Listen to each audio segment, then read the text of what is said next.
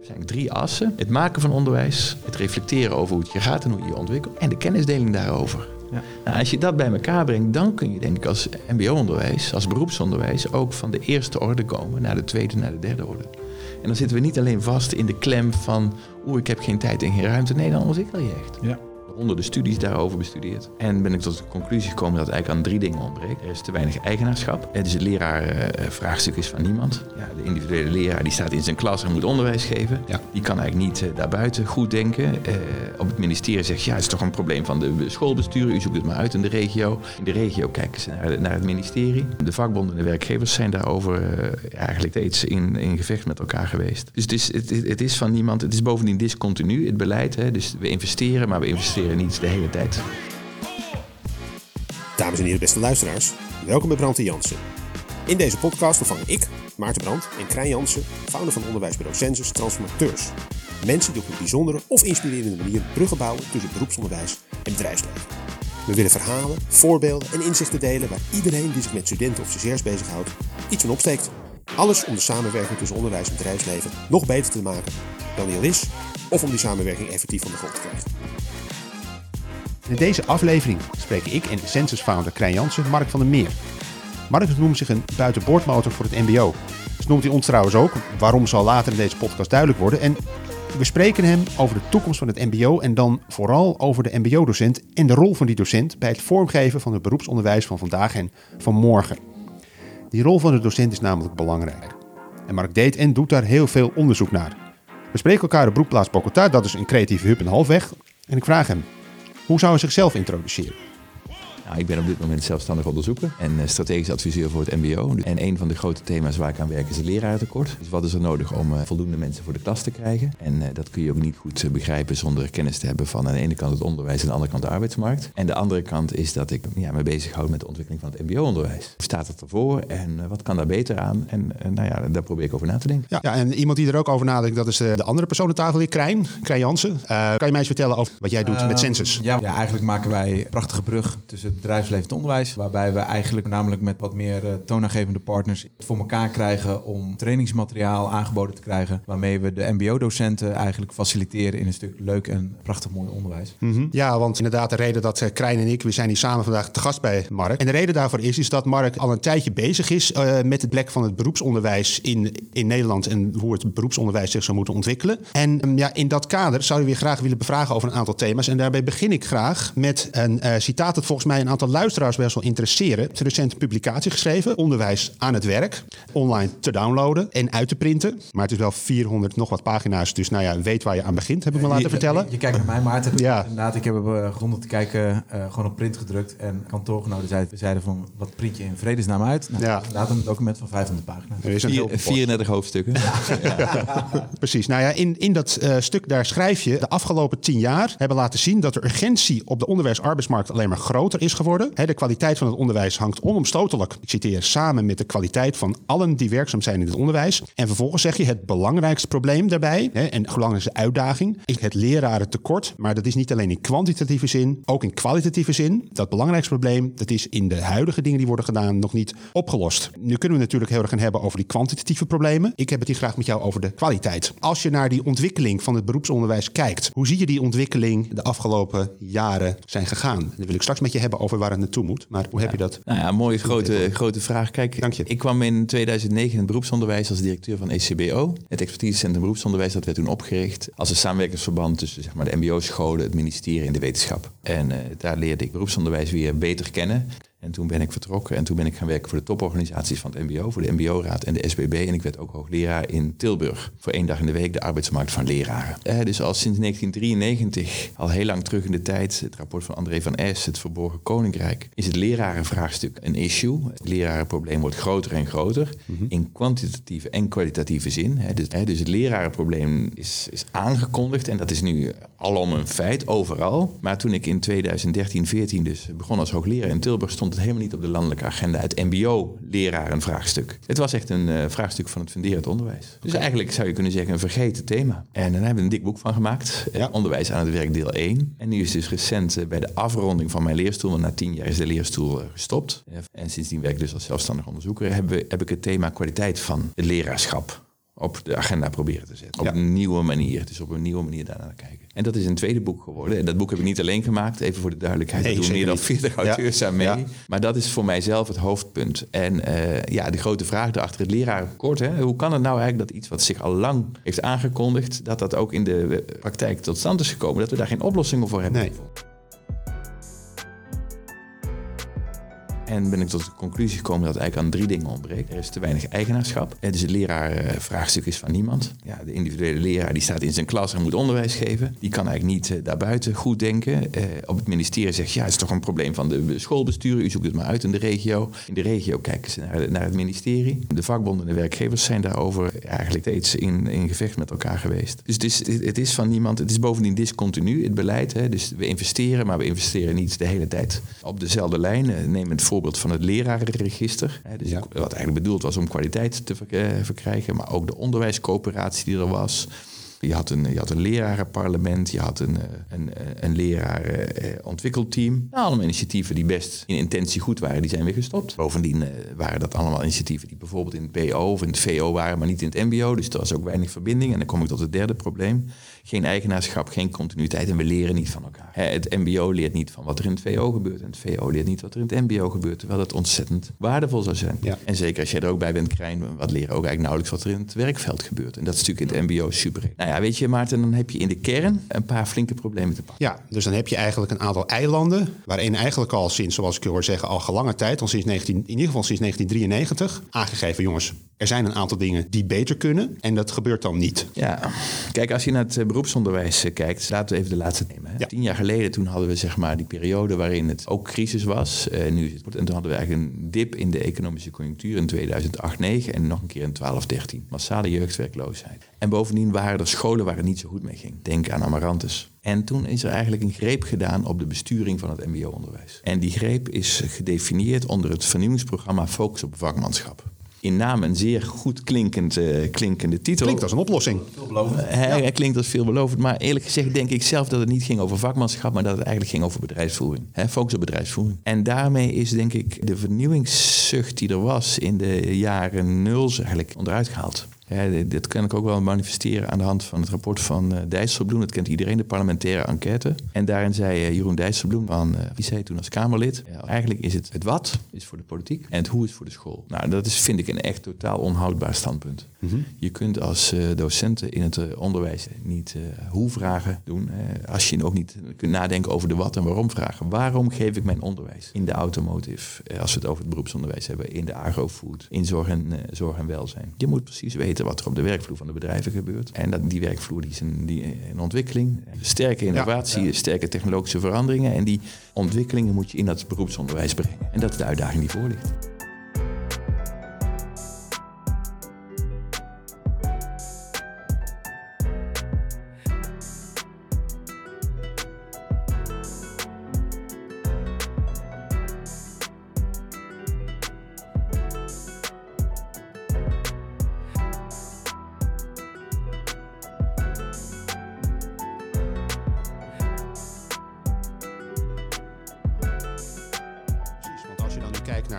Afgelopen tien jaar heeft er dus een bepaald traject afgelegd. Dan de komende jaren um, kijken hoe, hoe we zo doorgaan. Dat, dan, dan heb ik daar het gevoel bij dat er wel een aantal drempels te nemen zijn. Dat het niet helemaal gaat zoals we dat zouden willen. Want uh, wat, wat, wat is er voor nodig om dan ervoor te zorgen dat het, dat het de goede kant op gaat? Ja, dus het, kijk, het op de agenda zetten van het MBO-thema, dat is heel erg goed gelukt. dus uh, je kunt het zien. Ik heb ook uh, kunnen meewerken. Ik heb een aantal achtergrondstudies gemaakt die te maken hadden met het MBO in positie brengen. Dus in positie brengen in de regio. Dus veel minder verticale sturing door Den Haag, maar veel meer horizontale afstemming. Afstemming, niet sturing, afstemming. Met het bedrijfsleven rondom de school. Nou, we praten dus over 2017, MBO staat op de agenda, maar toen kwam de vraag, hoe ontwikkel je dan verder? Hoe ontwikkel je dan verder? En nou, ik, ik heb, en de, de coronacrisis is, was daarbij, ondanks alle ellende, ook een kans. Want toen hebben we ontzettend uh, ons kunnen verdiepen in wat eigenlijk kwaliteit van werk is. Kwaliteit van werken en leren. Daar ben ik echt uh, heel erg in gaan verdiepen. In kwaliteit van werken en leren. Wat is dat eigenlijk? En toen kwam ik eigenlijk tot ontdekking dat een aantal inzichten uit de jaren 70 en 80 van de vorige eeuw over kwaliteit van arbeid. Dat die eigenlijk nog steeds super, super uh, goed zijn. En dat die in een, in een systeem wat controle geleidt eigenlijk te weinig kans krijgen. En het gaat dan over eenvoudige principes als zelfsturing, zelfregulering van, uh, werk- en leerproces. Uh, als uh, schoolleiding aan een docent moet zeggen wat hij moet doen, dan heb je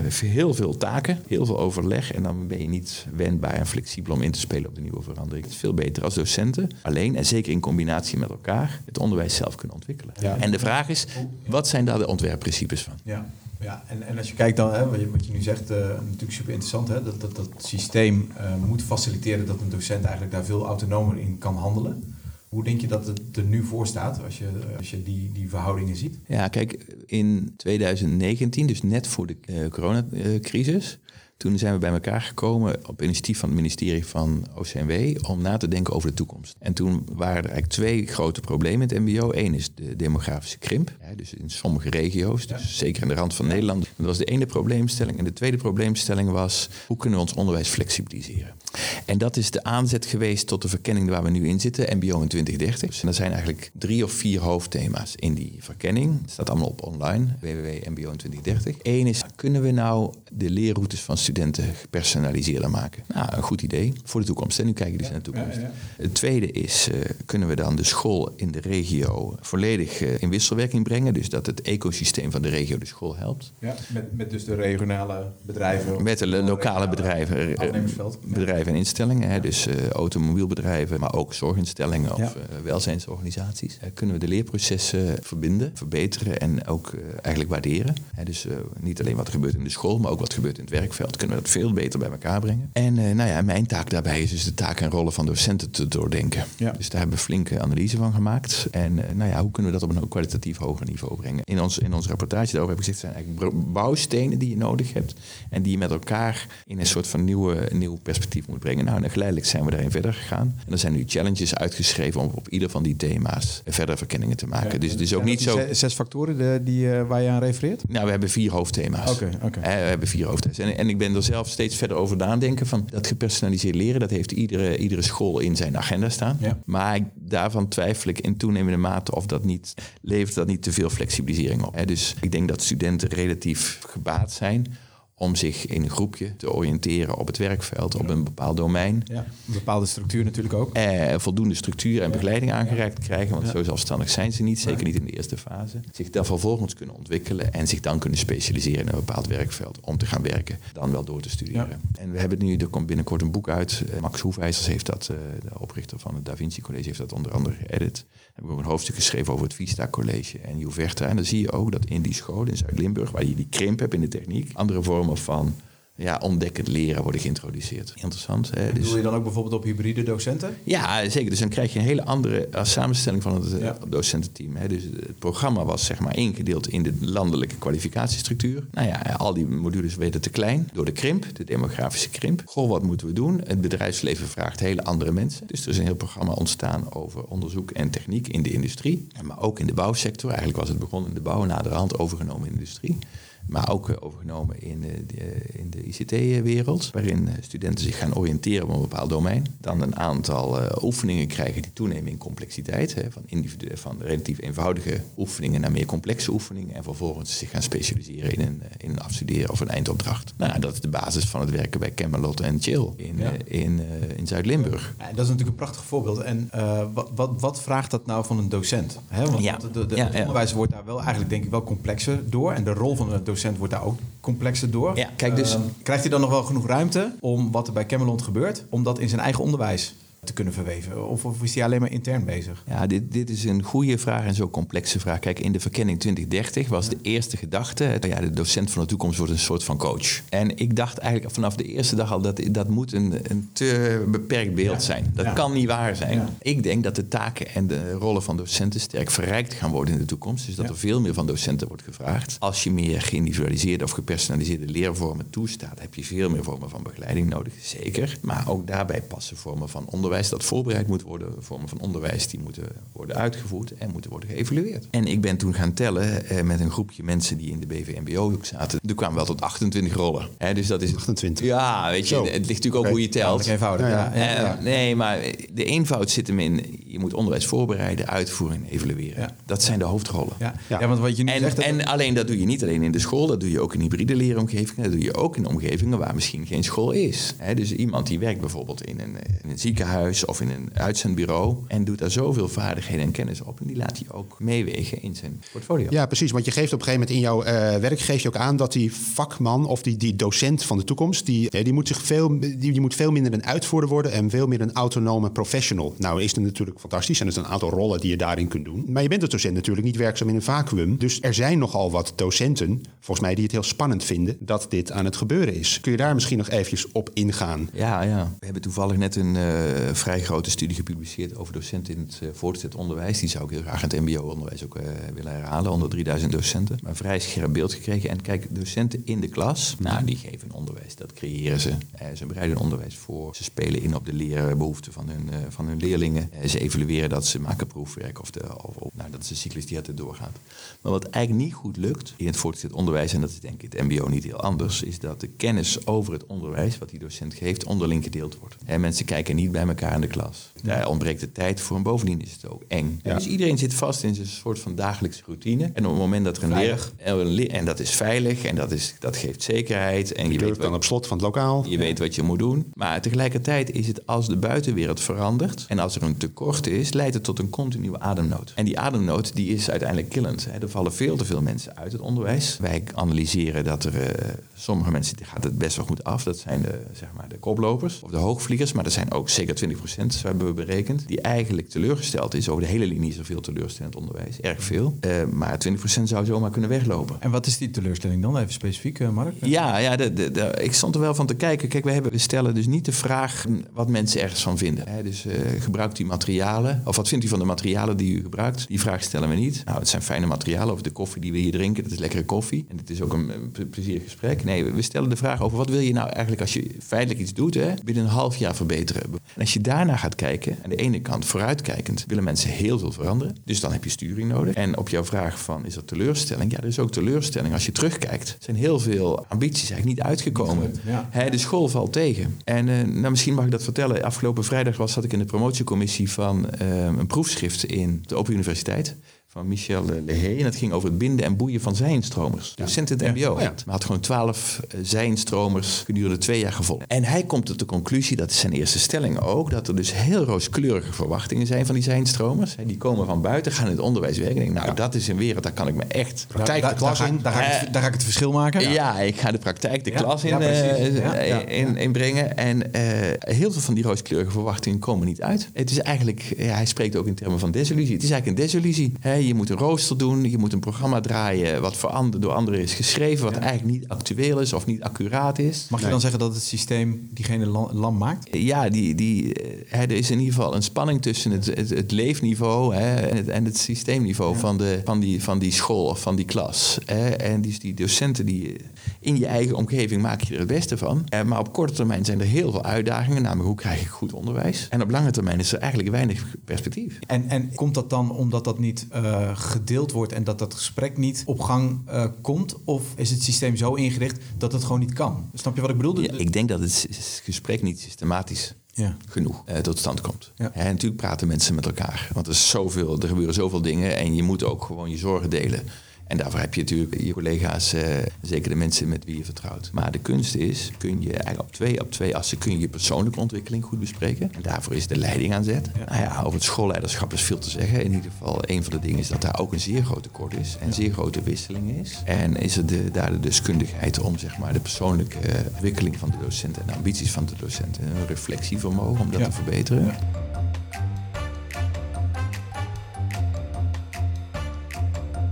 Sorry dat ik je nu onderbreek, hè, want het is heel interessant wat je nu zegt, hè, dat reflectievermogen. We hebben natuurlijk in de voorbespreking hebben we het er al even over gehad. Uh, daar hebben we het gehad over uh, de drie assen vanuit de sociotechniek, waar jij heel veel uh, kennis over hebt en, en, en, wat je heel veel toepast in jouw onderzoeken, volgens mij ook. Ja. Kun je daar heel kort iets over benoemen, zonder dat we nu helemaal een wetenschappelijke ja, de sociotechniek gaan, gaan, gaan ja. maken. Maar ja, ja. de sociotechniek is natuurlijk wel heel drie mooi assen. om die handvatten voor het, voor het vernieuwingsproces, laat me zeggen, wat meer te, te kunnen duiden. Ja, ja Krijn, dus ik maakte één opmerking over reflectie reflectievermogen. En de andere opmerking wilde ik maken over kennisdelingsvermogen. Ja. dus ehm, wat ik zeg, hè, dus in, en dat maakt bij elkaar drie. Er ontbreken zeg maar twee van de drie assen ontbreken. Of we hebben het ook wel zo gezegd dat het mbo heel erg in de eerste orde van werken zit. En heel moeilijk vindt om in de tweede en derde orde te komen. Nou, dat ga ik proberen uit te leggen nu. Kun je nou eigenlijk zelfsturend en zelfregulerend zijn als onderwijsteam. Door op een goede manier samen te werken, je eigen professionele normen te ontwikkelen. Heel kort gezegd gaat het over het creëren van onderwijs. Eh, ik geef zelf ook les, dus ik moet altijd een les voorbereiden. Die geef ik vervolgens en die evalueer ik weer. Het eind maak je een toets of een examen of een proef of een verkenning over de resultaten. Maar daar gaat altijd uitstekende voorbereiding aan vooraf. En daar gaat een, een onderwijsleerproces aan vooraf wat je organiseert. Nou, dat is het creëren. Net zo goed als we nu een podcast maken. We creëren een Ja. podcast. Dus dat, dat begrip kent iedereen, denk ik. En de tweede dimensie is dus het reflectievermogen. Daar had ik het net over. Ja, het persoonlijke.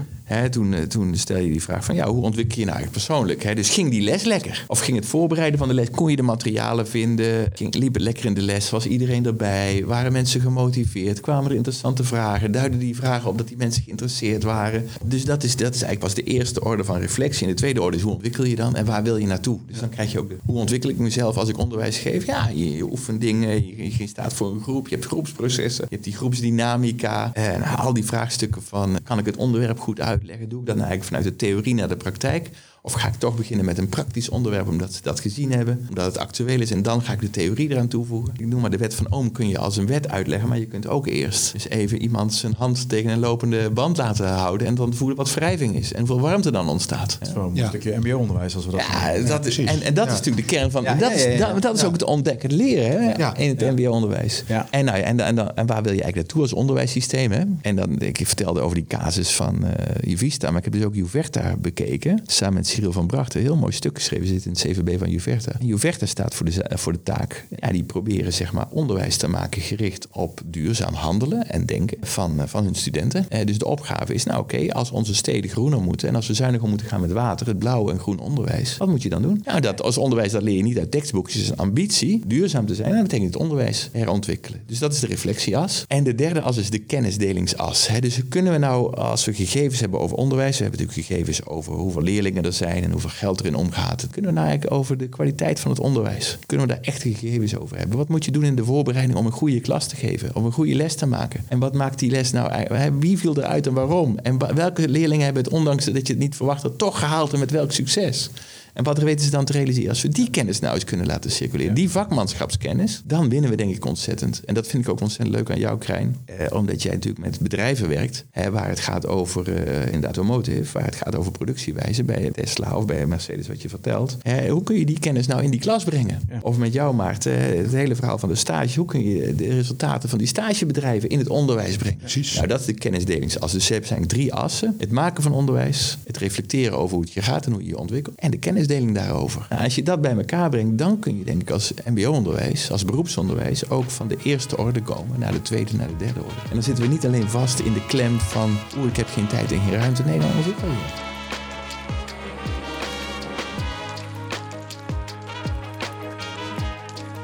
En, en en even heel pragmatisch. Ik ben, ik ben een docent in het mbo-onderwijs. En, en ik loop tegen bepaalde zaken aan. Ik, ik, ik wil wel, maar het lukt me niet helemaal. Ik ben inderdaad bezig met het coachen van de studenten. Ik ben bezig met het, het voorbereiden van een, van een les. Toch voel ik wel dat ik die ambitie heb. En dat duurt nog een jaar. En als ik dat niet kan volbrengen, laat me zeggen, of kan waarmaken... dan inderdaad val ik misschien wel uit. Wat denk jij nou dat als, als een docent dit nou hoort... Waar, waar moet hij beginnen? Wat zou ik nou als docent moeten gaan doen? Wat is een wenkend perspectief? Hè? Dus Ja. dat, is, dat, is, dat is heel positief, ja. Nou ja, ik zou zeggen, er is tijd in de, in de CAO en er zijn studiedagen. En probeer die tijd die er is heel gericht te benutten. We hebben gezien in onze studie dat er dus veel te veel ambities tegelijkertijd zijn. Ja. En je kunt nooit alle ambities tegelijkertijd waarmaken. Dus ik zou zeggen, begin met drie punten of zo. Dus ga in je team besteed een dagdeel of een, eh, enige tijd in ieder geval aan het vaststellen waar zitten wij nou eigenlijk mee. Ja, dus je wordt inderdaad even... te- Stel je voor, het zijn drie onderwerpen. Ja. Hè, dus ik wil graag naar het eh, kijken naar wat er bij die bedrijven gebeurt. Ik wil eigenlijk graag ons lesmateriaal ver- vernieuwen en ik wil graag de uitval. Nou, iedereen kan bedenken dat er een relatie is tussen deze drie dingen en tegelijkertijd dat het hele grote onderwerpen zijn. Dus ik zou zeggen, kies er van die drie is twee. Laten we een aantal docenten eens kijken naar wie er uitvallen. En laten we eens een aantal docenten eens gaan kijken bij een paar bedrijven. Nou, dat ga je ordenen in een kleine groep en dat breng je vervolgens bij elkaar. En dan stel je gezamenlijk de vraag, Nou, wat voor inzichten levert ons dit nu op? En doen we het momenteel? Of, En daar besteed je gewoon eens een half jaar aan. Ja. Ook niet, het, hoeft, het hoeft niet binnen één week af te zijn. Dat kun je rustig doen. Leg dat nog eens een keer naast de bespreking in een ander team. Dat zou dus, dit is de kennisdeling die de school moet organiseren. Ja. Leg dat nog eens bij een ander team. Eh, ga eens een keer, als je bij automotive zit, ga eens bij zorg en welzijn kijken. Hebben jullie ook die vragen? Hebben jullie ook uitval? Hoe komt dat? Of eh, hoe gaan jullie eigenlijk om met het werkveld? Nou, en dan kun je langzaam eens na gaan denken over wat moet je aan je curriculum doen. En, en maak dat een beetje plezierig, deze verkenning. Ja, ja. En ik zou zeggen, daar, de, de- kijk, er zijn waanzinnig veel middelen in Nederland op dit moment. Als het gaat over, over leven lang ontwikkelen, over publiek-private samenwerking. Dus wel echt honderden miljoenen hè, uit, de, uit de groeifonds. Ontwikkelkracht, professionalisering. Maar eigenlijk niemand heeft zo'n soort van agenda die heel pragmatisch is, ontwikkelingsgericht is. En, uit, en aansluit bij de concrete uitdagingen die er zijn in de, in de voorbereiding, uitvoering en evaluatie van het werk. Daar moet je in investeren. Als je dat niet doet, kom je niet verder. Dan hoor ik je eigenlijk twee dingen zeggen. Want ik, ik hoorde, jou, hoorde jou niet. Ik las dat jij ergens in 2018 een keer in het Brabants Dagblad geroepen hebt. Ja, er moet een deltaplan voor het beroepsonderwijs komen. Maar wat ik je eigenlijk nu ook hoor zeggen. Ja, een deltaplan nodig. Maar tegelijkertijd kun je op kleine schaal ook wel zelf je vinger in de dijk steken. En de zandzakken gaan vullen om ervoor te zorgen dat je die deltawerken gaat aanleggen. Dus ik hoor je ook zeggen van joh, wacht niet tot er een ingenieur Lely komt die eh, de afsluitdijk gaat, gaat, gaat aanleggen. Maar begin eens zelf in je eigen omgeving met het zetten van praktische stappen. Maar wel een gezamenlijkheid. Kijk, dat Deltaplan, dat, had, dat is goed dat je me daar even aan, eh, aan denken. Maar, Zeker. Ja. Nee, maar ik heb dat inderdaad eh, gezegd. Hè. Ik, Ja. Waarom was het onderwijs geen topsector? In 2010. Ik vind dat echt een kolossale politieke fout. En er was zeker een deltaplan nodig. En in 2020 en 2021 hebben we dus die eh, literatuurverkenning gemaakt naar wat kwaliteit van leren en werken is. En toen hebben we in 2021 het eerste stuk wat we schreven was: er is een nieuwe publieke eh, opdracht nodig voor het MBO. En dat wil zeggen, de politiek moet ruimte geven aan het MBO om deze verkenningen te maken. Dat is deltaplan. En uit het boek van Max Hoefijzers en Mark van Meulen komt eh, zoiets als: nou ja.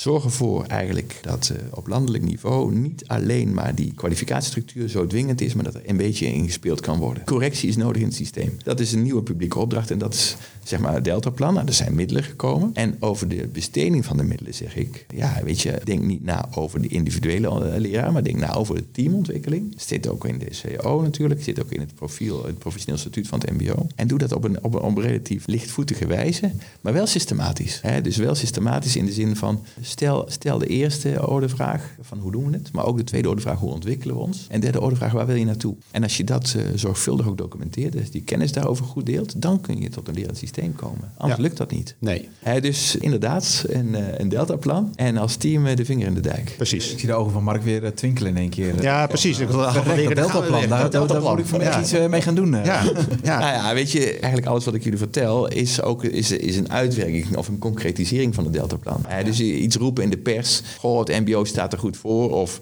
het mbo moet zich sterk verbeteren, vergt natuurlijk ook een uitwerking. En Ja. je hebt nu in, de werkagenda van het, eh, van het, of het eh, akkoord tussen de politiek en de mbo-sector, dus dat gaat over talentontwikkeling, dus heel erg over die, ik zou zeggen, over het creëren van, het reflecteren op een kennisding, dat is talentontwikkeling. In die talentontwikkeling zit een hele agenda voor, onder, voor onderzoek en innovatie. Die zou je zo kunnen, en eh, professionalisering, die drie. Maar ik heb wel soms het idee, Mark, dat dat ergens in die hele keten blijft hangen. Want de afgelopen jaren, laat maar zeggen, als wij met docenten allerlei programma's eh, draaien en ook wel met teamleiders, daar komt dit niet in terug. Snap je dan wat ik bedoel? Dat, Ja. dat, dat, dat- Ja, zo kun je. Het klinkt eh, ontzettend logisch allemaal. Hè? En op bestuurlijk niveau zal het helemaal kloppen. Alleen ik heb wel het idee dat hij ergens in die hele keten... Nou, dat hij daar op de plank blijft liggen of zo. Dat op de werkvloer, bij die docenten die wij spreken... die, die herkennen zich niet in, in dit soort ontwikkelingen. Ja. ja, dit is een eh, terecht punt. Hè. Dus we hadden het over vertrouwen. Ja. Is het eigenlijk eh, achteraf verdiend vertrouwen of is het vertrouwen wat je vooraf hebt als team? En eh, die teams hebben dat vertrouwen vooraf nodig, want ze Ja. zijn eh, teams eh, en ze moeten het onderwijs ontwikkelen. Het is onze belangrijkste, een van de belangrijkste sectoren in de samenleving.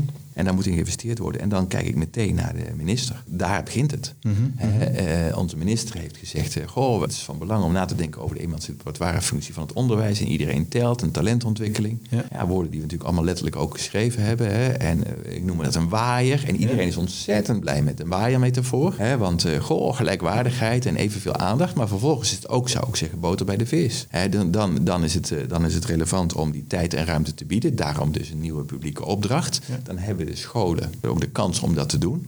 Er zijn middelen en besteed die middelen daar ook aan. En, en, en als dat niet gebeurt, ja, dan blijf je zitten in waar je zit. Want Ja. toen het MBO als systeem werd ingericht in 95, toen was er massale jeugdwerkloos. En niemand van school af zonder diploma. Dat is tegenwoordig niet meer zo. Ja, je weet natuurlijk niet zeker, de, dus de economie staat er niet alleen goed voor. Maar in ieder geval met die demografische krimp kunnen jongeren, en zeker getalenteerde jongeren, overal werken. En je zult zien dat bedrijven de rol van de scholen overnemen. Dus je, moet, je zult wel heel keen moeten zijn als eh, beroepsonderwijs. eh, en dat dus ook bij het kabinet claimen. Claim die ruimte. En minister gun die ruimte. Ja. En waaier is niet voldoende. Ja, maar, maar moet je dan alleen naar het onderwijs of naar, naar de minister kijken? Of moet een MBO-instelling ook kritisch naar zichzelf kijken? Door ook misschien wel te concluderen dat zij het ook niet allemaal voor elkaar krijgen met teammanagers en docenten die op de drie assen van die sociotechniek, dat ze daarmee bezig zijn. Nou ja, kijk, ik denk dat eh, onderwijsteams eh, in algemene zin heel goed met het bedrijfsleven proberen samen te werken.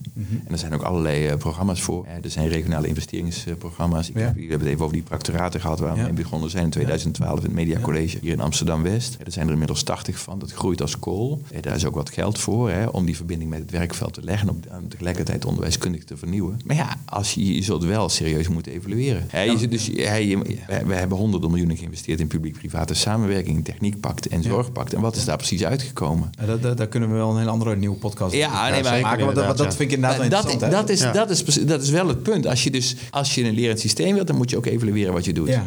Op een serieuze manier. En dat kan veel beter. Ja. Oké. Uh, ja, en, en er zijn natuurlijk ook heel veel dingen goed gaan. Hè? Laten we dat eh, niet vergeten. Ja, en ik, maar kijk, ik denk eigenlijk dat wat jullie doen, eh, als een soort van buitenboordmotortje, gewoon naar bedrijven gaan en met een aantal docenten, dus met een aantal docenten in een bus stappen, als het ware, naar een Ja. bedrijf gaan, of een, een aantal docenten bij elkaar brengen en een, de bedrijfsprocessen als het ware voorleggen, openleggen, dat, Ja. dat, dat dat heel nodig is. En dan vind ik het altijd, al, eh, hè, dan heb je ook eigenlijk geen subsidie nodig. De- dus bijvoorbeeld die regionale investeringsfondsen, dat is natuurlijk wel goed om het van de kant te krijgen. Maar wat ik altijd daar het gevaar van vind, is op het moment dus dat zo'n su- subsidie stopt, dat toch ook heel veel van dat soort initiatieven in elkaar zakken. En je zou moeten kijken naar een bepaalde marktwerking die zonder subsidie het traject alsnog Nou ja, zo, kun je zeker naar zo'n politieke agenda kijken. Zo'n werkagenda, waarom zitten er allemaal afspraken in over gelijke kansen en over ontwikkelingsgericht werk en verbinding met het werkveld en over onderzoek en innovatie? Ja. Lukt het dan in een- uit jezelf niet? Hè? Dus Ja, die, exact. vraag, die vraag die je vraagt kun je stellen. En wat is de duurzaamheid van de samenwerking eigenlijk? dat vind ik altijd wel interessant met al die initiatieven die er natuurlijk zijn. Maar dat, dat, daar kom je pas achter. En- wat jij zegt als je gaat evalueren. Ja, en, en je zult wel moeten, hè? dus dat leert Vista. En het, het zal blijken of dat bij Juvetta gaat lukken. Maar ja, het ondernemerschap en het initiatief vanuit de, dat in de samenleving zit. En wat ook in de, bij, bij de jonge generatie zit, Ja. in die school zit. Ja. Ja. dat moeten we maximaal eh, de kans Ja, geven. ja. Nou ja, inderdaad. Maar daar kan je inderdaad nog vijf, zes, zeven podcasts over volpraten volgens mij. ja. Dit zijn hele complexe, interessante thema's. Ik ga hem afronden. Ik heb er heel veel van opgestoken. Met name van het Deltaplan en dat je klein moet beginnen... vind ik echt een fantastisch inzicht. En dat we eigenlijk eh, met z'n allen aan het werk zijn op één van de drie assen... waarop eigenlijk de kubus van de, De sociotechniek. de so- sociotechniek, precies... Ja, dat ja. eigenlijk terug moet in het, eh, het, het volle licht waar die verdient te staan. Dankjewel Mark voor je tijd, voor je scherpe inzichten. Ik heb er ongelooflijk veel van opgestoken. Om dat gewoon te verbeteren. Ja. Nou, ik wil jullie natuurlijk bedanken voor het bezoek hier en voor het eh, fijn- fijne gesprek. En eh, een van de inzichten die ook in het boek zitten van Max Hoefijs is, die hebt eigenlijk een soort academie nodig, een mbo-academie. Ja. En ik denk dat dat wel een waardevol idee is. Ja, en- omdat, ja, omdat, ja, interessant. Ja. Eh, eh, dan En dan bedoel je dan academie voor de docenten? ja, het is een docentenacademie. Ja, eigenlijk- heel goed. Ja, maar, ja, dus eigenlijk, eigenlijk, vanmiddag oprichten. Ja, nou als het zou kunnen. Hè, dus eigenlijk is het natuurlijk een soort van denktank. Heb je nodig. Hè? Dus ik bedoel, de, de inzichten die ik eh, hier eh, op tafel leg... zijn echt niet de enige inzichten die er zijn. Er zijn ook hele andere inzichten. Maar dat moet je bij elkaar brengen natuurlijk. En je, we moeten de docenten daarin, schoolleiders, eh, ook de bestuurders... en ook de docenten uiteindelijk daarin eh, faciliteren. In mijn naïviteit dacht ik, nou ja, we krijgen vast voor elkaar... dat we alle docenten gaan trainen. Nou, dat zal niet lukken. En dat hoeft ook niet. Maar als we nou eens beginnen met een, kleine, een paar kleine groepjes... Ja. en eh, dan krijg je ook een sneeuwbaleffect. Ja, dus een mbo-academie als, eh, als nieuw idee. Ja. En dat was hem. Ik hoop dat je hem interessant vond. Laat vooral even een review achter via jouw favoriete podcastkanaal. En mocht je ons dan willen bereiken, dat kan ook. www.census.nl Kijk even bij de contactgegevens, dan komt het vanzelf helemaal goed. We zijn ook allebei, Krijn Jansen en ik, te vinden op LinkedIn. Dat is Krijn Jansen met 1 S. En Maarten Brand met een D, met dat vlammetje erachter. Ik vind het leuk om van je te horen. Mocht je nou tips, feedback, kattenfilmpjes hebben of zelf een keer de gast willen zijn, dan horen we dat ook ontzettend graag. Hoor je bij de volgende.